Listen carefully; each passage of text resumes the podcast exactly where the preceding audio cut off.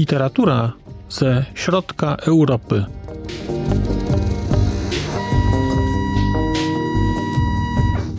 Podcast około książkowy.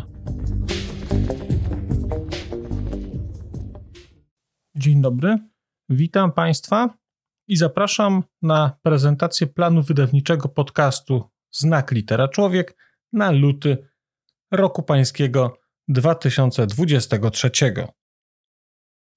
W lutym zdecydowałem się na literaturę polską, ale żeby to troszeczkę zawęzić, to zdecydowałem się na literaturę polską z lat 45-56, mniej więcej.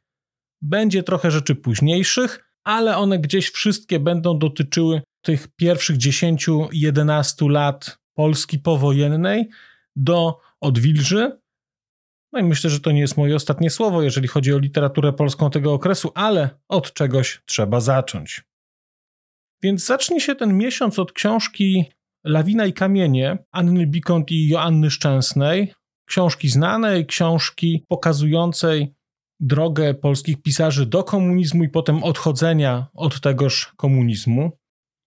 Chwilę później będzie Popiół i Diament Jerzego Andrzejewskiego, książka, do której wrócę po latach wielu, bo czytam ją ostatnio w liceum.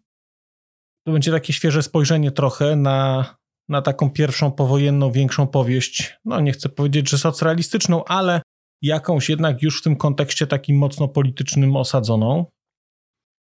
Później będzie książka autorki, która sprawiła, że w ogóle zacząłem myśleć o czytaniu polskiej literatury z okresu, powiedzmy, wczesnego okresu komunistycznego, czyli Marcy Shore, Kawior i Popiół. Leopold Tyrmand i Dziennik 1954 też się pojawi. I pojawi się również Wiktora Woroszylskiego Literatura. To jest powieść napisana już trochę później, ale dotycząca okresu, który mnie tutaj dosyć interesuje. Pojawi się także Prawdziwy Produkcyjniak, czyli powieść przy budowie Tadeusza Konwickiego, rzecz wczesna, rzecz często pomijana, a mnie bardzo interesująca, bo wpisująca się w kontekst tego, o czym jest ten miesiąc. Będzie też książka Tomasza Podkaja Akwarium, czyli opowieść o Związku Literatów Polskich, to w kategorii non-fiction. A miesiąc zamknę książką Zniewolony Umysł Czesława Miłosza, który chyba dosyć dobrze od, będzie będzie takim domknięciem całego tego miesiąca. Taki jest wstępny plan na luty tego roku.